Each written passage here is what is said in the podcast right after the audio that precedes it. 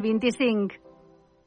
Hora 14. Catalunya Central. Eduard Font. Què tal? Bona tarda. 11 graus de temperatura al centre de Manresa. En tenim 9 a Mollà, 8 a Berga i a Solsona. Aquest matí ha començat el judici contra quatre joves del Bages, els anomenats Vegencs per la Llibertat. Judici que s'ha de celebrar avui i demà a l'Audiència Provincial de Barcelona. Recordem que se'ls demanen 7 anys de presó a cadascun d'ells, a 3 d'ells, millor dit, i 10 anys i mig de presó al quart. Tot per als aldarulls que hi va haver al davant de la caserna de la Guàrdia Civil de Manresa l'any 2019. Cal destacar que, tal i com ja s'havia dit, des de les seves defenses es demanava que no es celebrés el judici, tenint en compte que segurament demà s'aprovi l'anomenada llei de l'amnistia, però l'Audiència de Barcelona va rebutjar de suspendre-la aquest mateix matí, abans d'entrar a judici, amb una petita de concentració de manresans amb suport dels acusats, l'advocada d'un d'ells i advocada d'alerta solidària, Eva Pous, recordava per què demanaven que no se celebrés el judici. Nosaltres entenem que aquest judici no s'hauria de produir, hem demanat la suspensió per diferents motius, un d'ells és que precisament demà, no, a les 7 de la tarda, es vota i es preveu que s'aprovi el, el projecte de llei d'amnistia i per tant doncs, que no té cap mena de sentit fer passar les encausades ni tampoc um, a les famílies entorn i fins i tot als moviments polítics uh, per aquest uh, trànsit no? d'haver de sotmetre's a un judici quan ja se sap que segurament uh, seran amnistiables 100% perquè entren um, tant per l'objecte com per uh, la dimensió dels delictes que s'han estat negociant per la inclusió en la llei d'amnistia. Ho hem demanat per escrit, ens han resolt que no, de forma gens motivada, Desconeixem quin ha sigut el posicionament de la Generalitat, que forma part d'acusació en aquest cas, i també del Ministeri Fiscal, i també entenem que s'ha de produir la suspensió per diferents motius processals que um, ja exposarem a, a la sala. Dues i 22 minuts de la tarda, ja parlant precisament d'aquesta llei d'amnistia, Jaume Asens va ser divendres a Manresa. Va estar parlant precisament de la llei d'amnistia i va confiar que els exiliats puguin tornar a Catalunya de cara al mes de juny. Tània Rodríguez. Jaume Asens assegura a Manresa que els polítics catalans exiliats podrien tornar a Catalunya cap al mes de juny. Així ho va explicar el polític i advocat en un acte que es va celebrar divendres a la seu d'Òmnium Òmnium amb la sala plena de gom a gom. Sota el títol Amnistia, un escenari per Catalunya, el periodista de Regió 7, Enric Badia, va entrevistar l'exdiputat dels Comuns al Congrés, Jaume Asens, que ha estat l'encarregat de negociar el document de la llei d'amnistia que s'ha d'aprovar aquest dimarts a la Cambra Baixa. Nosaltres hem, hem fet un redactat amb les esmenes per intentar blindar la llei el màxim possible de qualsevol escletxa que puguin utilitzar els jutges per intentar sabotejar eh, l'esperit i la lletra de la llei i imposar la seva voluntat a la voluntat de, de la ciutadania, no? representada a través dels seus ciutadans. Evidentment, no tenim la certesa absoluta, però el text resultant de les negociacions eh, de les esmenes és molt millor que el, el text que hi havia abans i per tant estem satisfets amb el resultat.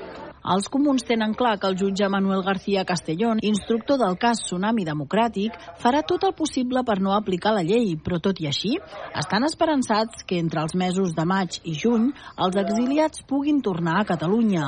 Gràcies, Tània. Anem per altres qüestions. Castellvell i el Vilar ha completat aquest mes de gener les obres de connexió amb la xarxa d'aigua de Marganell per donar servei a la urbanització de Mas Enric Camprat. Aquesta operació ve a solucionar una mica més els problemes de subministrament d'aigua que fa temps venen patint els veïns d'aquestes dues urbanitzacions i que fins ara l'Ajuntament solucionava cedint cisternes d'aigua. Aquest gener ha entrat en servei la canalització de 1,8 quilòmetres que permet la connexió amb el municipi de Marganell, que cedeix l'aigua sobrant al mig miler de veïns i veïnes de l'urbanització. Escoltem les paraules de Adrià Valls, que és l'alcalde de Castellvell i el Vilar. Evidentment hem mantingut aquestes cubes, aquests camions cisterna, per abastir el dipòsit d'aquesta urbanització I en paral·lel hem treballat amb connectar-nos amb el municipi veí de Marganell, que ens ven, ens ven l'aigua a 1,7 euros al metre cúbic, quan amb les cubes l'estem pagant a 13,95 euros al metre cúbic, per tant hem reduït pràcticament 10 vegades el cost. Avui, de fet, publiquem la nota de premsa que ja, ja hem signat el conveni amb Marganell per, per poder-nos mhm. abastir i ja des de l'1 de gener ens estem abastint amb aquesta tuberia es podria dir que ens abastim de eh, l'excedent d'aigua que té Marganell. La canalització d'aigua es fa a través d'electrovàlvules, que ha estat acordada a través d'un conveni signat pels ajuntaments de Castellvell i el Vilar, Marganell i Sant Salvador de Guardiola i Aigües de Manresa, i suposa un estalvi important per al consistori. El conveni estableix que Castellvell i el Vilar podrà utilitzar un màxim de 80 metres cúbics d'aigua cada dia, però fins ara la mitjana diària del gener és de 40 metres cúbics. Amb la nova canalització es pretén reduir el nombre de camions cisterna, tot i i que fins que no entri en servei el POU no serà possible eliminar el transport d'aigua en camions cisterna. El cost de la construcció d'aquesta infraestructura ha estat de 35.000 euros, finançada a través d'un ajut de la Diputació de Barcelona.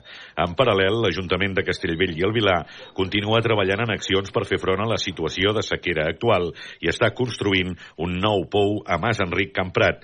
L'antic va patir un ensorrament de la part més profunda que li impedeix bombejar el cabal d'aigua habitual. Com que això no és suficient per abastir tota la població de més de 500 habitants de Masenric, Camprat i Sant Cristòfol, el que hem decidit és, a través d'una subvenció de la Diputació de Barcelona, fer un pou nou ja que l'antic està treballant a 70 metres i hauria d'estar treballant a 90, hem creat un pou en paral·lel per punxar l'aigua al mateix aquífer que ens està fent Catalana de Perforacions i per tant eh, tindrem un nou pou amb la profunditat que toca i podrem dipositar la bomba entre els 80 i els 90 metres que és on està l'aquífer més bo. Amb el nou pou, els problemes d'aigua i talls de subministrament als veïns de la zona haurien d'haver-se acabat. Seguim endavant amb altres qüestions. En aquest cas entrem en el capítol del fet divers. Hi ha hagut una persona que ha resultat ferida a primera hora d'aquest matí en una col·lisió que s'ha produït a la BB baixa 4511 a Sant Fruitós de Bages, una col·lisió entre un cotxe i una furgoneta. Els bombers han hagut d'escarcerar la persona ferida del vehicle en estat greu.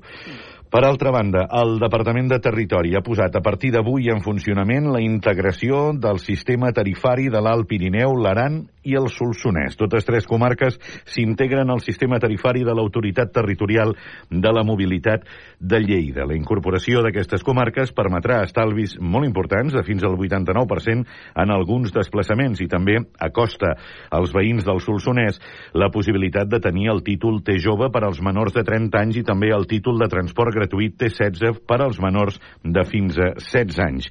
Per cert, parlant de mobilitat i de carreteres, les agrupacions comarcals de de Junts del Bages, Berguedà, Solsonès i Baix Llobregat es van posicionar divendres a favor del desdoblament complet de la C-55 i han demanat al govern que les obres del 2 més 1 no sigui una cotilla per accions futures que es puguin fer a la via. Encara més qüestions. Falten dos minuts per arribar a dos quarts de tres de la tarda. Anem ara per una part més cultural, més lúdica. Aquest cap de setmana hi ha hagut Festa dels Romeus a Monistrol de Montserrat, Tània. Monistrol de Montserrat es trasllada al segle XVI en una nova edició de la Festa dels Romeus, que enguany ha complert 10 anys de celebració. Durant tot el cap de setmana, el nucli antic del municipi s'ha omplert de pelegrins, metges, ramelleres, pagesos i senyors per reviure l'època en què la pesta negra feia estralls a mig món. Diferents representacions pel casc antic de la vila van anar desgranant històries i descobrint diferents indrets, tot donant forma a la festa, que, com és habitual, va aplegar molts visitants. La festa dels Romeus és la teatralització del que va passar ara ja fa molts anys, no? quan Sant Sebastià ens va salvar de la pesta bubònica. I durant aquest cap de setmana el que fem és la representació durant el matí de com la gent es va començar a infectar i durant la tarda la representació de com Sant Sebastià va fer el miracle i va salvar a la gent de Monistrol de la pesta bubònica. Eren paraules de l'alcaldessa de Monistrol de Montserrat. Anem pels esports amb Carles Jodar. Baxi Manresa va aconseguir l'onzena victòria de la temporada davant el Breogán de Lugo per un contundent 83 a 68 en partit corresponent a la Lliga ACB de bàsquetbol. El Manresa va dominar un partit en el que va jugar Dani Pérez mentre sabia que la seva dona estava ingressada per donar a llum. Mentre que a les graderies triomfava l'exjugador del Baxi Manresa, Adam Watzinski, que va ser aclamat pel Congost. En bàsquet femení, contundent victòria del Club Bàsquet Manresa femení que va guanyar el Vilanova per 69 al 44 en partit corresponent a la Supercopa. En futbol destaca l'estrena de l'entrenador del joanenc Eloi Eures. Ho va fer empatant a 0 davant el Sant Cugat, mentre que la Pirinaica perdia el camp del Martinenc. Del cap de setmana també destaca la derrota del Centre d'Esports Manresa per dos gols a un al camp del Penya Deportiva. Els manresans entren en zona de descens de la segona divisió REF. Enllestim, són dos quarts de tres de la tarda, continua a hora 14 a la cadena SER. El láser con Javier Casal. Dos y media, una y media en Canarias, seis de cada diez pisos en España se pagan ya a tocateja. Compradores que adelantan con dinero en efectivo a los que aspiran a comprar una casa, pero tienen que pasar por el embudo del banco. Eli, ¿qué tal? Buenas tardes, ¿cómo estás? Hola, buenas tardes, Javier. Eli, a ti eso te ha pasado, ¿verdad? Tú y tu pareja estabais a punto de dar la señal para un piso y os lo levantaron.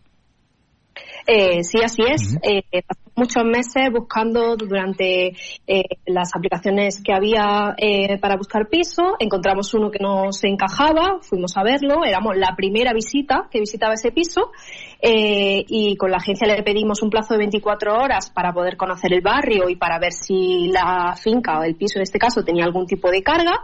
Entonces, durante ese plazo, pues se siguieron haciendo visitas, en concreto la siguiente, la segunda visita, en la que nosotros antes de que ofreciéramos